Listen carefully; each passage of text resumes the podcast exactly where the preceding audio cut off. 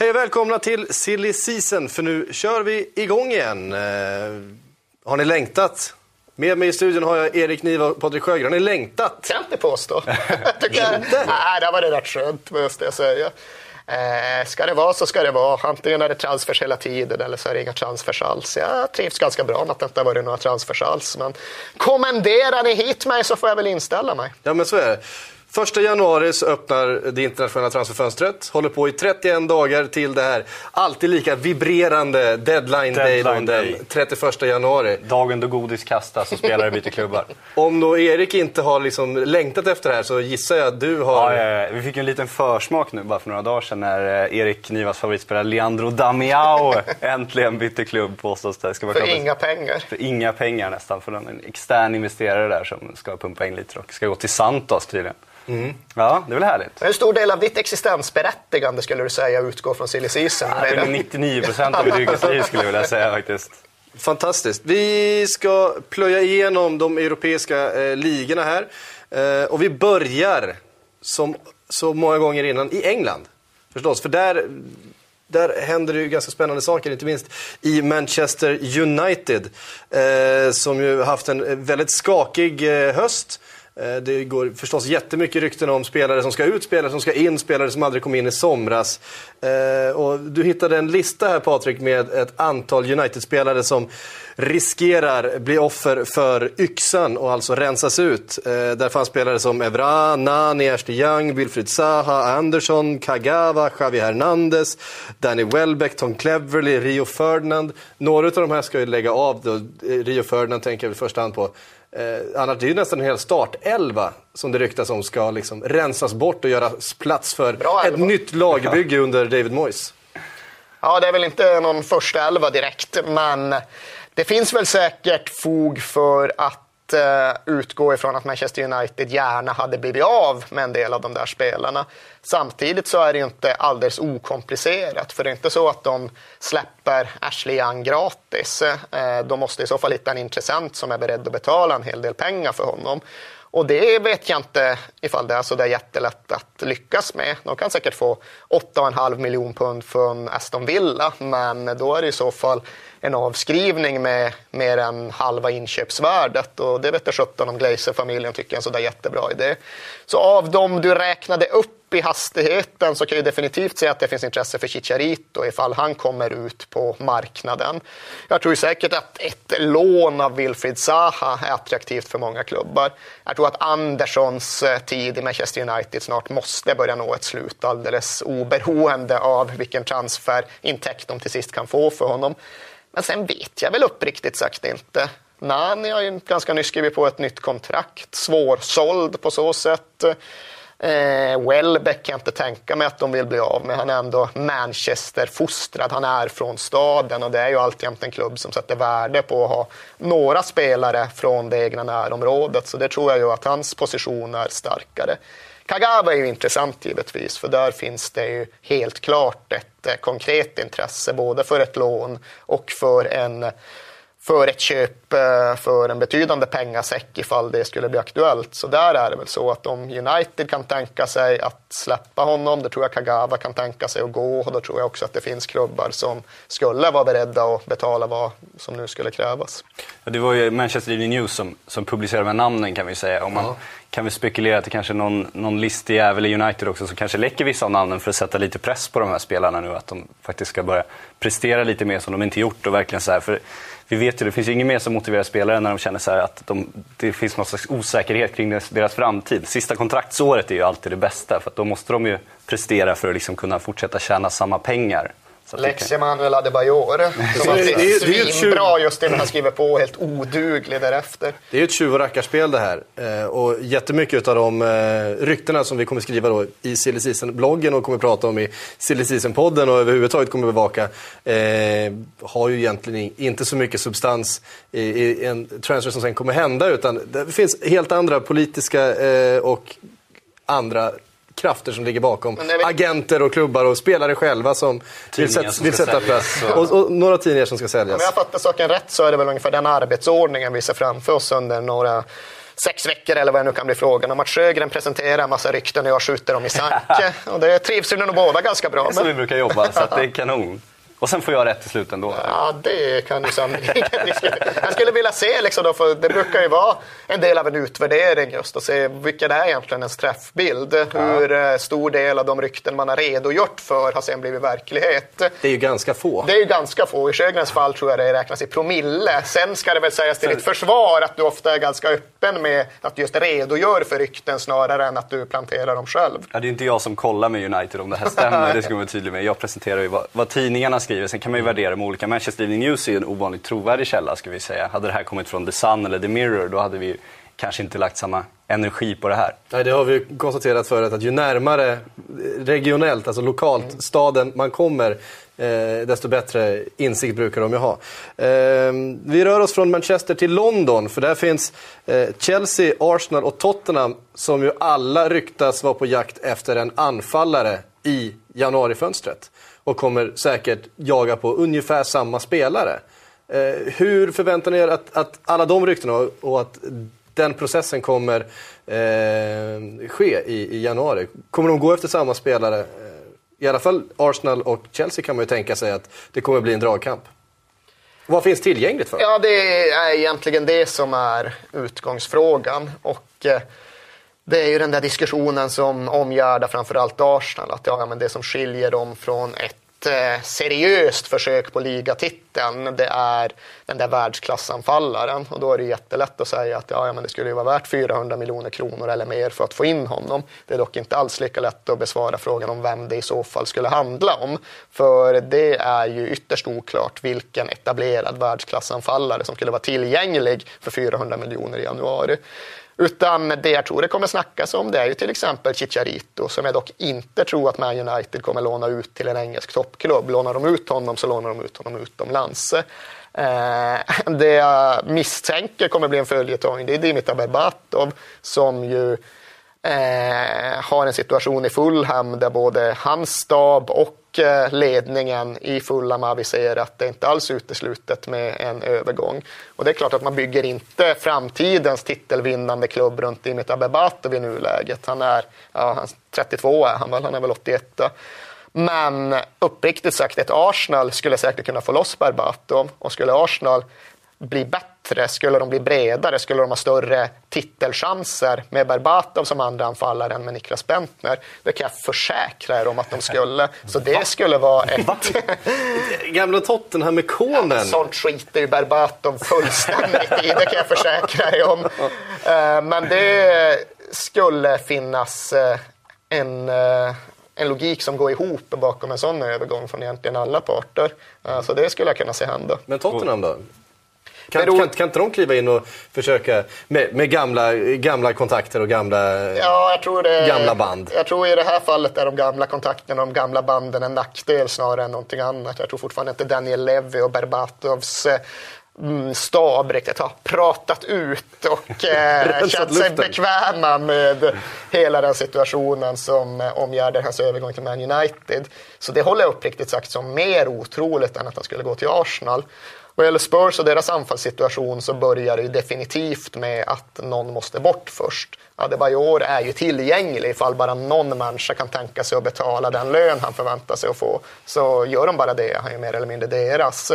Defoe påstås ju ha den där muntliga överenskommelsen med Toronto i MLS i slutskedet av eh, sommarfönstret, alltså på deadline day eh, i eh, slutet på, ja, det var faktiskt början på september, så såg vi ju en riktig kanonvärvning dimpa ner i Mesut Özil till Arsenal.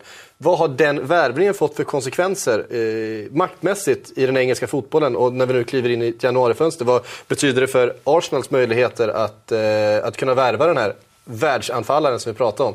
Om vi siktar lite högre än Dimitar Berbatov.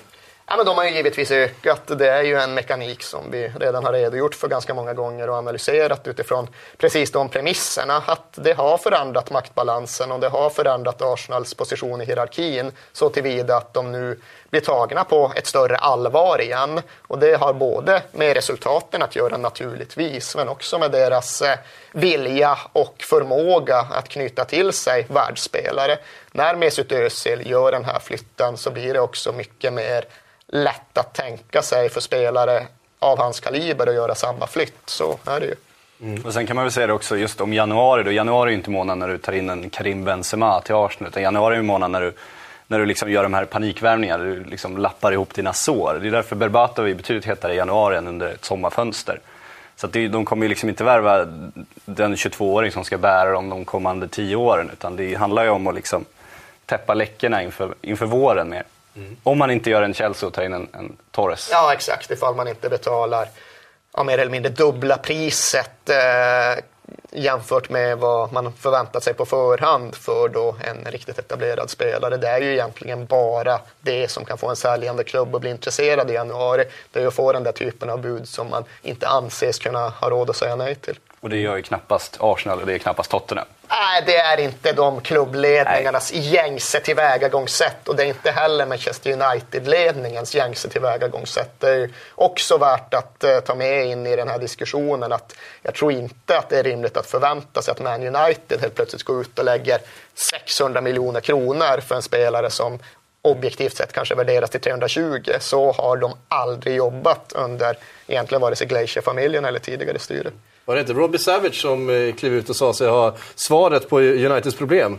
Eh, för inte så länge sedan. Han sa, men köp Ibrahimovic. Ja, han är ett geni Robbie Savage, men just det här ska han nog inte lägga sig i kanske. Robbie Savage som ju med sina gamla Manchester United-kopplingar får sägas vara en ypperst trovärdig källa. Herregud, han känner ju Giggs. Han känner ju alla de där Class of 92-killarna för han växte upp tillsammans. Så hur fel kan han ha? Jo, han kan, kan ha fundamentalt fel tydligen. Just utifrån den verklighet där Manchester United helt enkelt inte opererar på det sättet. De betalar inte stora pengar ifall de kan undvika det. De betalar inte pengar för ålderstigna spelare och eh, de gör inga panikvärvningar till överpris i januari. Det är, liksom, det är helt emot deras modus operandi. Du slår ner dina egna rykten här. Alltså. Du jobbar mot, gentemot Det var du som introducerade det. var Syk som introducerade Du byggde ju upp det och sen bara så smackar du ner Ja, det viktiga är att man får slå ner det. Sen ja, men, kan uppbyggandet gå till hur det vill. Jag förstår. Du jobbar destruktivt. Yep. Jag är en positiv människa. Ja, men det är korrekt. En klubb som vi nämnde innan som har en lite annan transfer policy är ju Chelsea.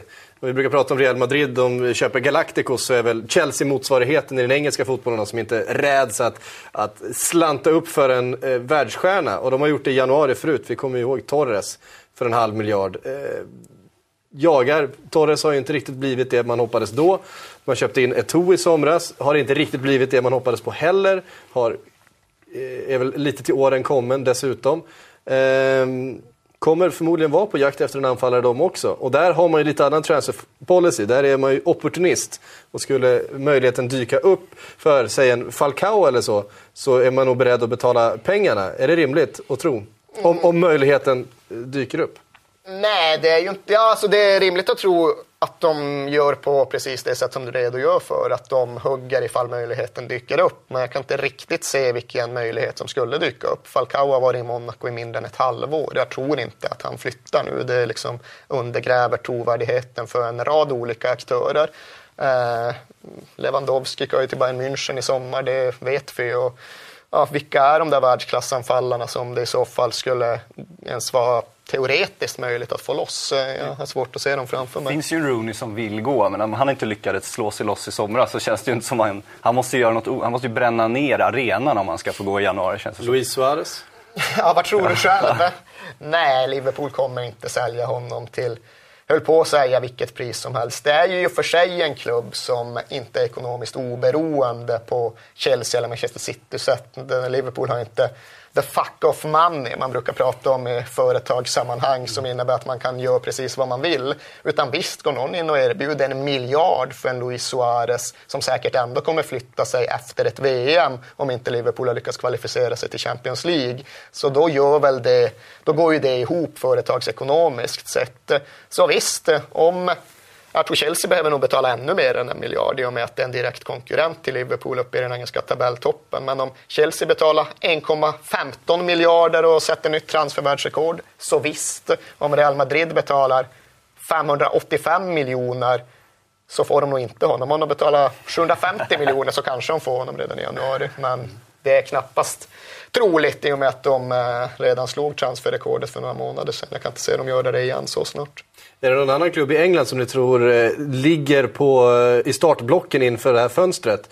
Eh, som behöver, just som du säger, lappa ihop truppen. Det känns, känns som många ligger och väntar. Alltså att United vill ju ha en central mittfältare. De kommer ju leta efter en central mittfältare, men det är inte säkert att de kommer värva en. För de kommer ju inte göra den panikvärvningen, kanske betala det överpriset. Men dyker upp en möjlighet, om någon blir tillgänglig, så är de en som kommer hugga. Arsenal, du har ju pratat om anfallsjakten där. Alla där ligger ju redo. Det gäller väl nästan alla Premier League-klubbar. Det finns väl ingen som har stängt sin trupp? Så att säga. Absolut inte. Och även de små Premier League-klubbarna har ju förhållandevis stora ekonomiska muskler. Och det innebär väl att jag tror att vi kommer få se mest rörelse på Premier Leagues undre halva i och med att det är så extremt viktigt att hänga kvar i den här lukrativa ligan. Så det gör nog att de klubbar som verkligen är utsatta, West Ham United till exempel, de kommer nog vara mer aktiva. De kommer ta in fler spelare än toppklubbarna gör.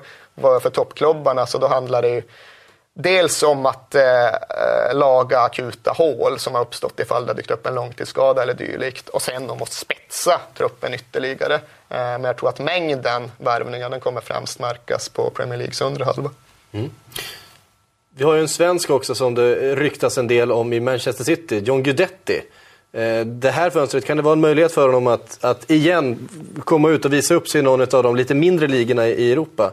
Eh, eller tror ni att han fortsätter, stannar i, i City, eh, hoppas på att kunna slå sig in från bänken där han faktiskt har suttit några gånger i kanske en FA-cup eller, eller så? Jag tycker väl det är läge att eh, sikta mot en utlåning under våren och jag tror inte Manchester City skulle misstycka. Jag tror att de skulle uppmuntra det just för att ge Guidetti regelbundet med speltid eh, i en riktig liga, inte i de här bluffmatcherna på U21-nivå.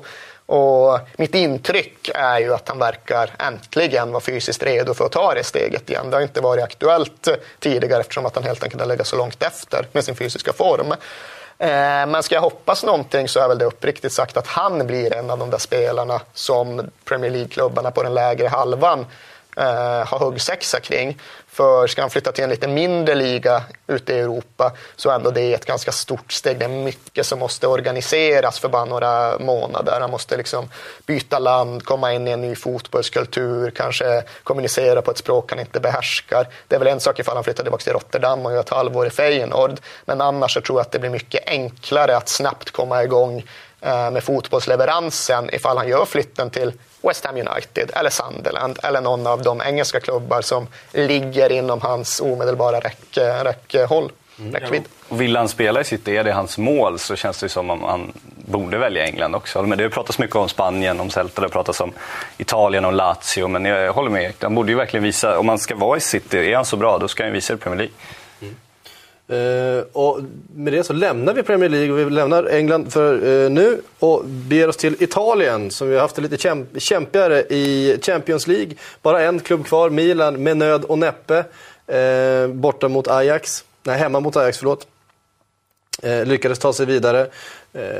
resterande italienska lag utslagna, inklusive Juventus.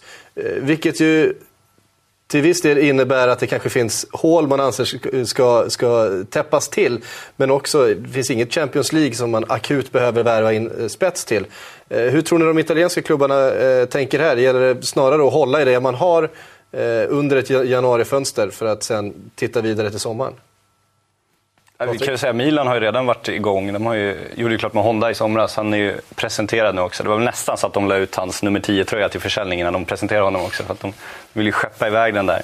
Så de har väl eh, gjort sin lilla värvning så att säga. Och som du säger, man är inte kvar i Champions League som Juventus och sådär. Det, det, är nog svårt att motivera och verkligen stärka. Juventus kommer ju vinna Serie A ändå som det ser ut. Så de har ingen, ingen, inget större behov av att gå ut och, och värva nu. Det är väl Milan som i så fall skulle, om de vill göra någon rejäl satsning, men då kommer vi återigen till det Milan har inte så mycket pengar. De kan inte köpa spelare som redan har representerat ett lag i Champions League om de ska använda dem där. Så då är alternativen väldigt, väldigt få. Så jag tror att eh, vi får nog inte se någon riktigt stor transfer i Italien, tror jag svårt att se. Mm. Nej, det tror inte jag heller. Det är ju så de har opererat under en längre tid nu, att de är ju de klubbar som verkligen har brytt sig om Financial Fair Play-reglerna och trott på att de kommer att fasas in. Sen kan man ju definitivt diskutera hur mycket det handlar om eh, förtroende och eh, tilltro gentemot Uefa och hur mycket det handlar om någon form av realpolitiska avvägningar.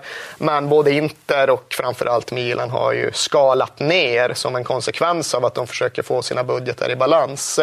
Jag kan inte se att en italiensk klubb gör en värvning för flera hundra miljoner kronor. Utan det handlar ju mer om att fixa och trixa och låna. De är oerhört förtjusta i lånesystemet i Italien och det kan säkert aktualiseras. Eh, men det kommer inte vara några stora rörelser, vare sig inåt eller utåt. Det kan jag inte se hända. Vi har ju sett en viss utarmning utav, utav Serie A de senaste åren där de, flera stora stjärnor har lämnat. Nu var det, kunde man fylla på lite i sommar här med en eh, Higuain till exempel till, till Napoli.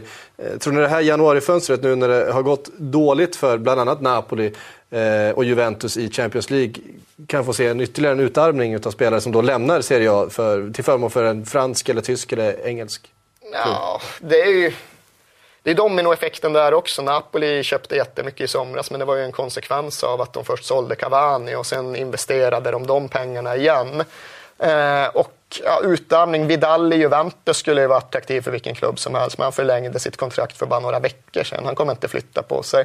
Pogba har det ju varit prat om att han kommer bli attraktiv för ett PSG framöver och Juventus har deklarerat att det kommer ett fantasibud så kommer inte vi klara av att hålla i honom. Men eh, ifall de skulle gå in redan nu så gör de det i så fall för en spelare som ju inte kan spela Champions League-fotboll för dem under slutspelet. Det gör att jag tycker att sommaren känns mycket mer trolig i så fall. Och ja, om man tar Vidal och Pogba så är det väl egentligen så att man har Marek Hamsik kvar ifall man ska resonera kring de verkliga juvelerna i Serie A-kronan nu. Och ja, vilken europeisk klubb är beredd att lägga 600 miljoner kronor för Marek Hamsik i januari? Jag kan inte riktigt se den klubben i och med att det också skulle handla om en Champions League-blockerad spelare. Så nej, jag tror inte att någon av de största Serie A-profilerna kommer lämna ligan och det gör också att jag inte tror att det pengatillskottet kommer in som i så fall jag skulle kunna generera en sån där en sån där, ett sånt där blockinköp som till exempel Napoli ägnar sig åt för Cavani-pengarna. PSG fortsätter väl sin tradition i somras. De ja, tar väl in Hamsik där och tar Napoli, Napolis bästa stjärna och sen tar lite andra italienare också. Ja, Pogba är nog rimligt att tro att de kommer göra ett rejält jävla försök på förmodligen då efter VM i och med att ja, han är fransman och på så sätt eh, skulle ha ett, eh, ett ännu större värde för dem. Fransman, Raiola, italienare. italienare. Ja, nej, det är ju, tickar alla boxar. Pusslet. Men vi förväntar oss inga, inga stormar på Mercaton då, eh, den här vintern? Nej, små, eh, små lokala tromber, men inga allomfattande Genuas 120 spelare kommer flytta runt igen. Precis. Då eh, skiftar vi fokus från Italien till Spanien där eh, det ju brukar vara de absolut största övergångarna har vi ju egentligen sett till, ja, till Real Madrid egentligen. De, de, har ju pengar att spendera. I somras blev det Gareth Bale. Det har länge pratats om eh, den här strikern som eh, man behöver. Benzema har det ryktats om att han kanske finns tillgänglig eh, för någon annan klubb att köpa och, och då måste man ju förstås ha in en, en forward av världsklass, en Galactico. Eh, hur ser ni på Real Madrids eh, ingång till det här januarifönstret? Ja, men jag tror att den dominoeffekten kommer att komma, men jag tror att det blir först i sommar. Eh, för det finns ju väldigt mycket som tyder på att Luis Suarez hamnar i Real Madrid. I synnerhet om det då blir så att Liverpool missar Champions League och att han har avverkat ett, ett VM med Uruguay och liksom på så sätt står inte fri att flytta, men känner kanske att det är dags för någon form av nystart. Så jag tror att det förmodligen nästan blir så till sommaren. Så är det skrivet på för Real Madrid som har ju öppet deklarerat att han verkligen vill. Och att eh, Benzema då som en följd lämnar till ett Arsenal eller till vilken klubb som nu fortfarande letar efter en central anfallare. Men jag kan inte se att det blir redan nu. Jag kan inte se att det blir i januari när Liverpool fortfarande är med i Champions League-racet i allra högsta grad. När Suarez själv inte vill skaka om båten ytterligare med tanke på att det är ett VM som väntar snart. Eh, så jag, jag tror att vi får ge oss till tåls lite grann där. Men Rooney till sommaren, det är också känt som han har varit real i hans dröm också, går lite i Beckans fotspår. Han har odlat håren nu, ska kunna fixa vattenkamningen. Liksom, han har ju fixat allt för, för Real också. Ja, Rooney är ju inte fast rotad i Manchester United på ett sätt som gör att man kan ta för givet att han kommer att avsluta sin karriär där han kommer ju någonstans att utvärdera Manchester Uniteds säsong när den tar slut. Han kommer att eh, förhålla sig till David Moyes och hela den satsningen. Och sen är det väl inte alls otroligt att han återigen går ut och liksom har någon form av plädering för att han inte tror på klubbens långsiktiga möjligheter att uppfylla och motsvara hans ambitioner. Och att hela karusellen då snurrar igång igen.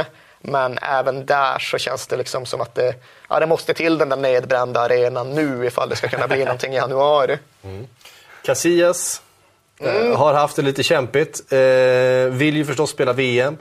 Eh, vill, behöver speltid och är ju fortfarande en världsklassmålvakt. Eh, när, han får, när han får chansen. Eh, vad, vad, kan hända där? Det är väl en politisk fråga om man ska tro allt som sägs i Spanien, ska man inte alltid göra. Men just nu känns det ändå som det kan finnas lite sanning i det. det är alltså president Perez som har sagt att Casillas inte ska spela då. För att eh, Ancelotti har ju använt honom i Champions League och det är inte så att man sätter in sin reservmålvakt i Champions League. Liksom. Så det, det, känns som det är order uppifrån. Och då om, om det blir ett VM, alltså säg att Real kanske får en, en tuff lottning, misslyckas och åker i åttondelen. Det finns ingen Champions League kvar. Ike Casillas ska spela VM för Spanien i sommar. Han får inte spela ligan. Jag tror att det är Vicente del Bosque som avgör väldigt mycket där. För jag tror ju att Casillas kommer att slå det samtalet ifall han inte redan har gjort det. Han kommer ringa honom och liksom ställa den frågan. Ah, du vet hur min situation är. Hur ser du på det här? Om jag ska vara Spaniens första målvakt i VM, vad behöver jag göra? Funkar det att jag sitter kvar under våren med de här förutsättningarna? Eller tycker du att jag måste iväg och röra på mig? Och säger då Del Bosque, ja men för herrejösses, ta ett halvår på lån i i Fenerbahce så då går Casillas dit. Liksom. Eh, det, det är så jag misstänker att det ser ut. Fenerbahce alltså? Ja, den högg jag verkligen ja. från absolut ja, ingenstans. Jag skulle precis komma det. Vad finns det då för möjligheter för en Casillas? För det finns ju ett antal klubbar som, som letar målvakter, inte minst Barca, men det, det kanske är, är, är, är att sträcka det lite. Eh, vad har han för möjligheter då, om, om Del Bosque just säger det? Att du behöver faktiskt ha åtminstone en, en 15 matcher eh, under våren för att för att få starta ett VM. Får man kasta in ett Manchester City här bara ur rockärmen sådär med Joe Hart i problem. Det vore ju kanon att bygga, liksom låna in Casillas ett halvår. Ja exakt och blockera Englands VM-chanser på exakt så sätt så. och få hela den tabloidstormen runt sig. Underbar. Varför inte? Eh, själv skulle jag väl kanske misstänka att någon av de italienska pretendenterna ligger närmare till hands. Ta ett Fiorentina som jag inte tycker lyckas ha lös, de har inte löst sin målvaktssituation trots att det har varit osäkert där under väldigt lång tid. Ja, men ta Casillas på ett halvår. Jag tror absolut att han kan tänka sig att bo i Florens. Och jag tror nog att de kan få ihop den ekonomiska delen av det och få ihop den sportsliga på ett sätt som gör att det verkligen är en lösning som i så fall skulle ge nytta för alla. Så var 17, Iker i lila. Inte nu för att målvaktströjan är sådana, men lika fullt. Den spanska fotbollen har ju fått ganska mycket kritik de senaste åren för att ha varit en tvålagsliga.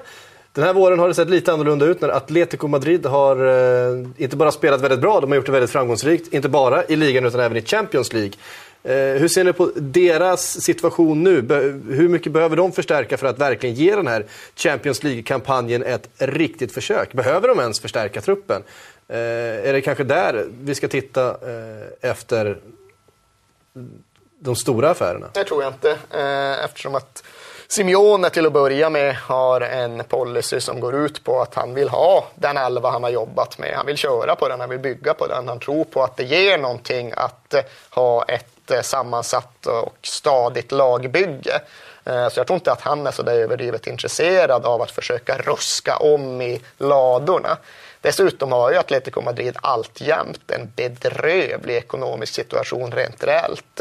När de säljer sina superstrikers, när de säljer Falcao, och Agüero och Torres så får inte de några pengar utan allt det går ju åt till att betala av gamla skulder och liksom släcka ekonomiska bränder. Så de har ju fortfarande en väldigt begränsad transferbudget. De eh, måste ju försöka stabilisera sin ekonomiska situation mer än någonting annat. Och det gör att jag inte tror att det kommer komma in speciellt mycket. Jag tror i så fall att det är större risk att de är en av de klubbar som faktiskt är sårbara för ett jättebud. Det påstås ju att Mois var nere och studerade Kåke i förra veckan och att det skulle kunna vara det där innermittfälts, den där innermittfältslösningen som de letar efter. Och tydligen är det så att han har en utköpsklausul på ungefär 250 miljoner kronor.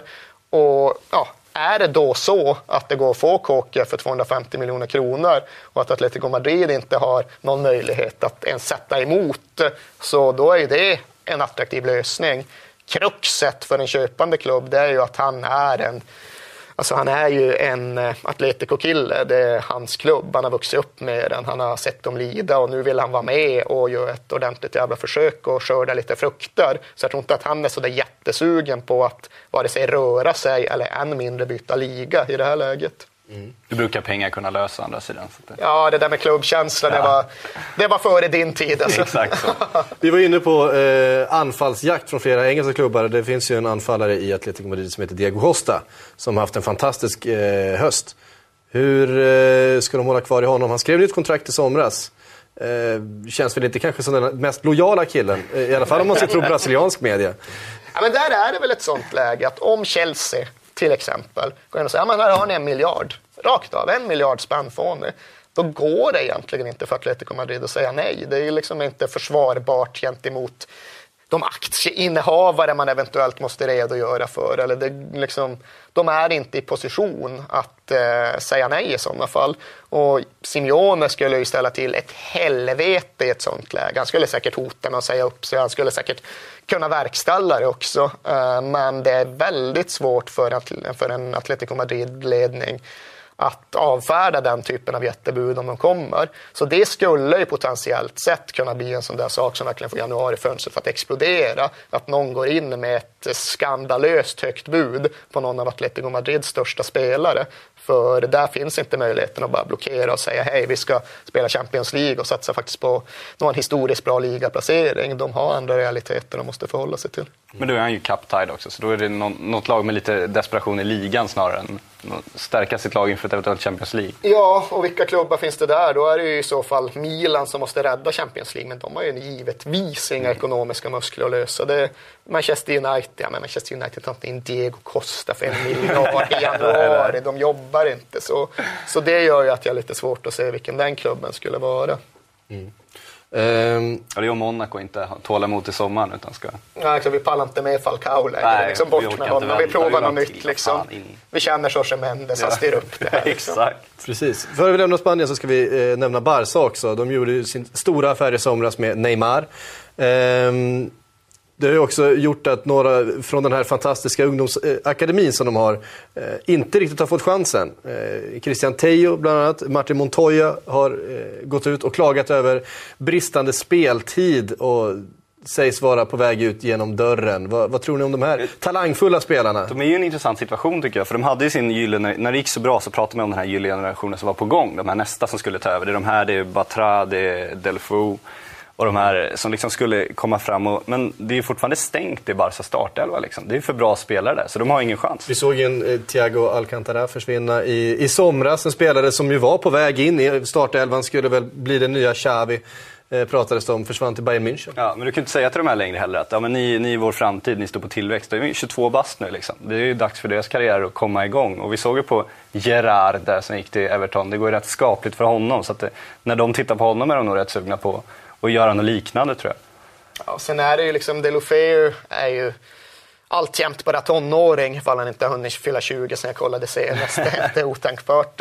Men han är ju en nivå upp om man eh, jämför med de här andra killarna. Liksom Christian Tejo, han kommer ju aldrig bli bra nog för att spela för Barcelonas A-lag på regelbunden basis. Han kommer inte bli bra nog för att attrahera en Champions League-klubb i någon av de stora ligorna. Utan för honom handlar i så fall en flytt om ett, inte vet jag, ett Ajax eller något i den stilen. Och då en övergång Ja, men lite så. Ja. Eller mycket så rättare sagt. För han är ju någon form av måttstock på den där spelaren som man tror är bättre än vad han är, mm. bara för att han har liksom varit framträdande i Barcelonas ungdomslag. Jag tror att det man ser i Barcelonas ungdomslag just nu, det är ju Delofeu och så är det den här kamerunska ungtuppsanfallaren som verkar ha någonting extra. Så han kommer säkert bli en sån där som de håller extra mycket i. Däremot ifall de kommer upp och lägger fram 100 miljoner för Christian Tejo, då tror jag definitivt man får honom i nuläget. Inget snack. Ja, jo, men får de. Jag tror också Barcelona skulle kunna tänka sig att släppa dem. Problemet är att de har ju, de har ju de här som sina reserver, de har ingen jättebred trupp med stjärnor. Så. Om de här då själva tror att de är, liksom, som Bojan Kirkic också kanske trodde, att de är sådana världsspelare, då kan det ju börjar kivas lite på bänken. Det kan ju bli rätt grinigt. Så att de har en spännande situation ändå. Mm. Men däremot tror jag att vad gäller Barcelona så är det ju en av de klubbar där det faktiskt finns fog för att tro att något lite större ska kunna hända. Där behöver jag inte arkebusera hela ryktesapparaturen innan den ens har kommit igång. För det är ju obegripligt att de inte har köpt in en proper mittback ännu. Det är inte hållbart att luta sig mot Puyol, Piqué och en mån Mascherano om man tror sig ta tillbaka Champions League-titeln. Så jag förutsätter att de gör ett ordentligt försök på en mittback redan i januari. Pratas om det. David Luiz från eh, Chelsea. Ja, och det är har pratats länge om. Och det är en övergång som är logisk på många sätt och vis för att han skulle garanterat vilja flytta till Barcelona. Han skulle göra mycket nytta i Barcelona. José Mourinho verkar inte hålla honom så där överdrivet högt.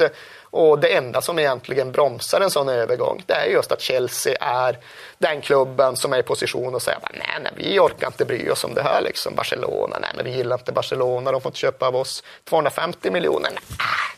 400 kanske, kanske. Alltså de behöver inte bara acceptera ett bra och vettigt bud. De kan krångla och kräva orealistiska pengar bara för att de är Chelsea med Roman Abramovic. Och det kan sätta käppar i hjulet för en sån händelsekedja som annars vore rimlig att förvänta sig. Eh, Daniel Agger har det pratats om också. Ja, men det känns, eh, det känns längre bort i och med att eh, det ändå är en spelare som uppskattas av sin klubb och som själv uppskattar klubben han spelar i. Det är ju att jag tror att den är lite mer svårlös. Jag tror inte heller han skulle förstärka Barcelonas trupp på samma självklara sätt som David Luiz skulle göra. Äh, det det pratas om nu är väl lite grann att Chelsea ska försöka rycka loss han Kurt Zoma, den unga mittbacken från saint Etienne och ha honom lite på tillväxt samtidigt som en Terry blir för gammal. Och skulle de få till det, då skulle det just kunna få fart på det där dominospelet. De kan få honom att känna att mittbacksituationen är löst på längre sikt. Och sen har de Terry och Cahill och i någon mån Ivanovic att eh, utgå ifrån så länge. Då går det ju verkligen att få ihop den där övergången av Luis till Barcelona ifall det nu inte bara är så att Roman tycker att det där låter tråkigt, det orkar jag inte, det orkar jag inte med. Mittfältet då? Det Xavi och Iniesta har ju liksom dominerat världsfotbollen nästan med sitt, sitt kortpassningsspel och, och varit liksom etta och tvåa i, i den där ligan under lång tid. Det ser inte riktigt lika, likadant ut längre. De har båda två blivit lite till åren. Och vad, vad, vad händer där? Behöver man kanske värva in någonting för att eh, fylla på bakifrån om nu inte eh, ungdomsakademin levererar det man behöver?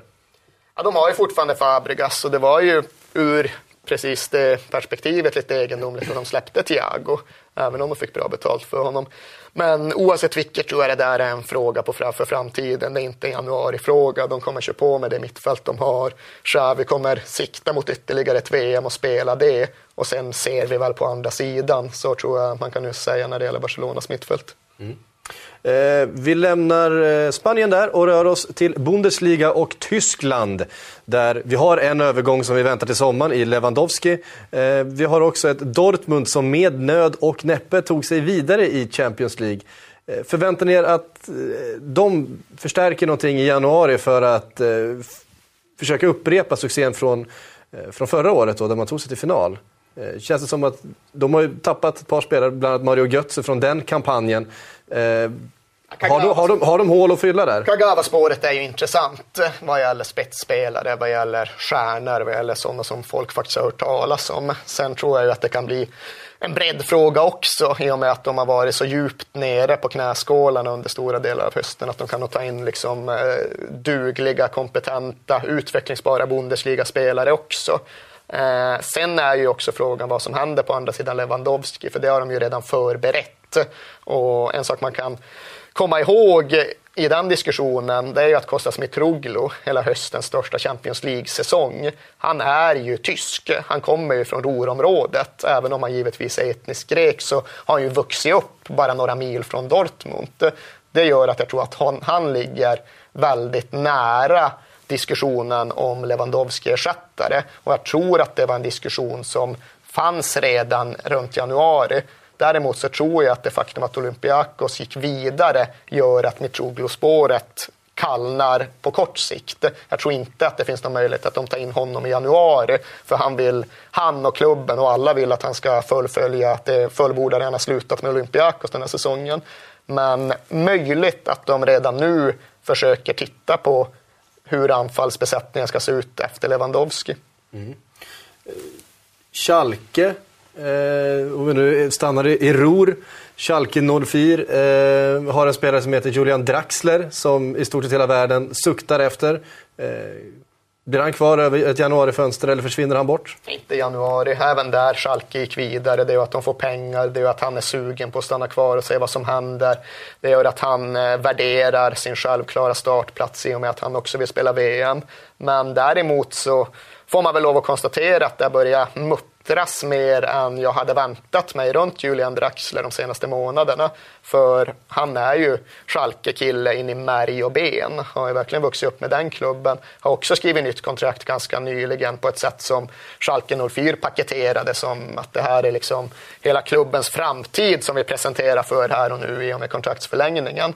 Men som sagt, de senaste månaderna så har det ändå gnisslats och muttrats och pratats om ambitioner hit och dit och pratats om att se om sin egen karriär och sin egen framtid. Och allt det där gör väl att jag inte är lika säker på att Draxler faktiskt spelar ut det där Schalke-kontraktet längre. Det kan nog vara en spelare som det går att få loss där i en framtid, men nej, inte i januari. Kan man inte säga exakt samma sak här? Alltså, uppväxt i klubben, förlängde kontraktet, bygg, klubben bygger sin framtid kring honom. Mario Götze. Ja, jo, det går att få ihop det den ekvationen. väldigt likt. Ja, det finns något snarlikt. Och Draxler är ju, precis som Götze, också någon form av lite mer intellektuellt grundad tänkare. Man kan liksom inbilla sig att det bor en grubblare i Julian Draxler på samma sätt som det gör i Mario Götze. Och det skulle väl också gå att addera till ekvationen att ja, det kanske är så att Draxler går ut ur tonåren, tittar sig omkring, konstaterar att är det verkligen ror jag ska... Mm. Är, det, är de här fabriksskorstenarna och de här cisternerna det enda jag ska se i hela mitt fotbollsliv? Och komma fram till att nej, det kanske inte är så det ska bli ändå. Så ja, jag, jag köper en av dina paralleller. Tack. tack. Ja, men man får ju säga det med kontraktsförlängningar också. Det blir ofta eh, många fans som jublar och nu, nu har han bundit sig till klubben och han visar hur trogen han är. Men de här kontraktsförlängningarna med unga talanger, det hamnar ju ofta en utköpsklausul där som man kommer överens om. Så många gånger är det ju så att det är lättare att köpa en spelare som förlängt sitt kontrakt för att han satte en fast summa då än det var innan. Så man ska vara lite försiktig med dem nu. Ungefär som Luis Suarez trodde att han gjorde när han förlängde ja, då, förra sommaren. Ja, sen är ju de också... De han är ingen grubblare där. han är en annan typ av grubblare.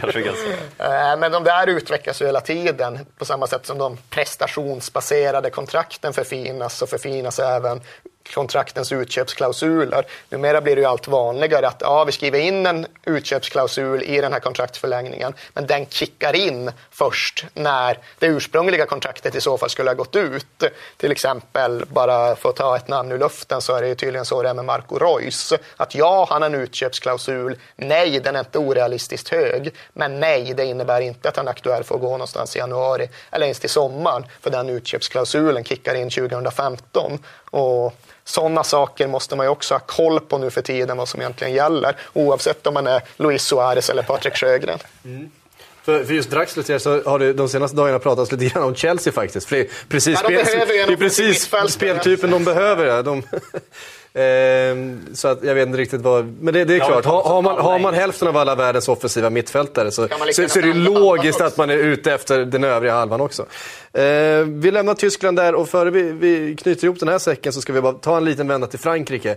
För det är ju där de absolut största pengarna, med undantag då utav Gareth Bale-affären i somras, har spenderats.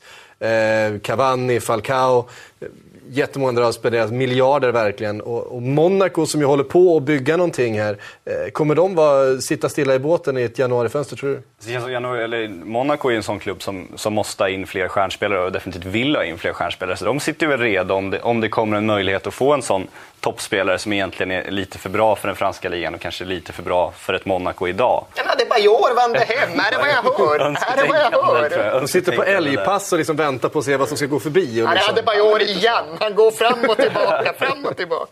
Nej, men dyker upp en sån kille de kan få som de kanske egentligen inte skulle kunna få, alltså rent sportsligt, ekonomiskt kan de ju få vem som helst, men det gäller ju för dem gäller det att övertyga dem med liksom sina sportsliga ambitioner. Det är där problemet är. Problemet för dem hade ju inte varit att betala för Gareth Bale. Det hade ju varit att övertala Gareth Bale att han ska gå till Monaco och inte till Real Madrid. Vi, vi nämnde en hel radda Manchester United-spelare på väg ut. Kanske Monaco är, är des- destinationen för en Patrice Evra eller en Nani eller... Det har pratats om en Nani där tidigare i somras, men då hände ingenting.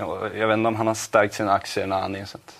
Ja, Hans kontraktsförlängning kändes ju som att den var inte till... Normalt sett är ju en kontraktsförlängning oftast till för att skydda klubben. Liksom. Att ja. nu ska de få mer betalt och de blev inte av med sin spelare om det inte är den där klausulgrejen. Men i hans fall så kände jag det var ju bara Nani som gick vinnande ur den här förlängningen. Liksom. För United var det ju bara kontraproduktivt. Där är det inte fråga om några utköpsklausuler hit eller dit. utan ja, den kom lite oväntat den förlängningen. Jag kan inte riktigt se att det är honom Moyes ska bygga sitt framtida lag kring. Utan där tycker man ju att det vore väl bra för alla ifall de nu skulle få iväg honom till ett Monaco. Men det har nog blivit svårare i och med hans förlängning. PSG då?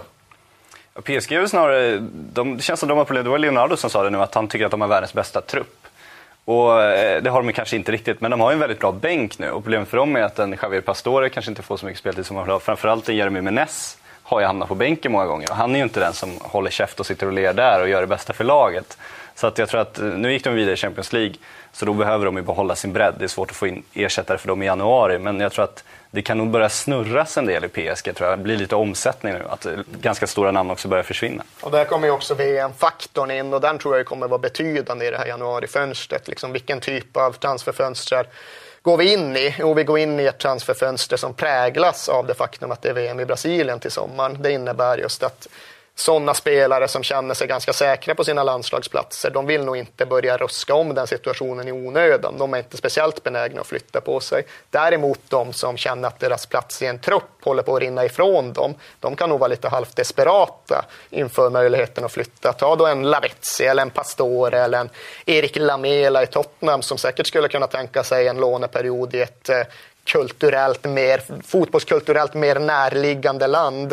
Eh, jag tror liksom att det tankesättet kommer komma in i det här fönstret i väldigt hög utsträckning. Juan Mata, om vi är inne på Ja. PSG, har det pratats väldigt mycket om.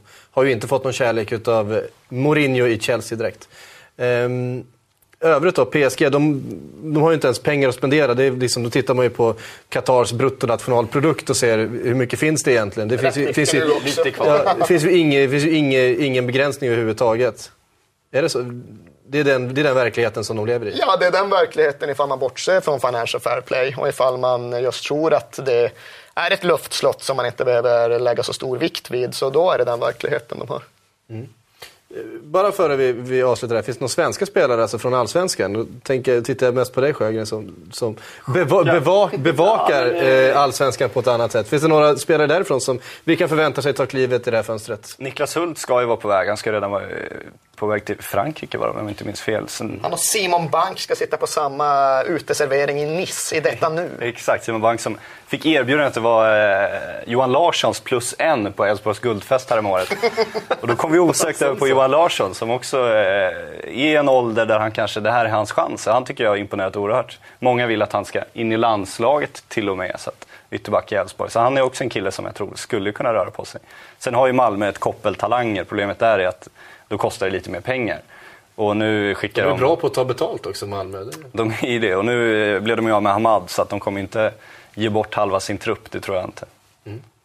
Intressant, där har ni det. Eh, vi knyter ihop säcken för den här gången, men se nu till att följa bloggen slaviskt varje dag. Det är nya uppdateringar hela tiden. Lyssna på podden. Det kanske är rent av så att du sitter här och lyssnar på det här samtalet i poddform just nu.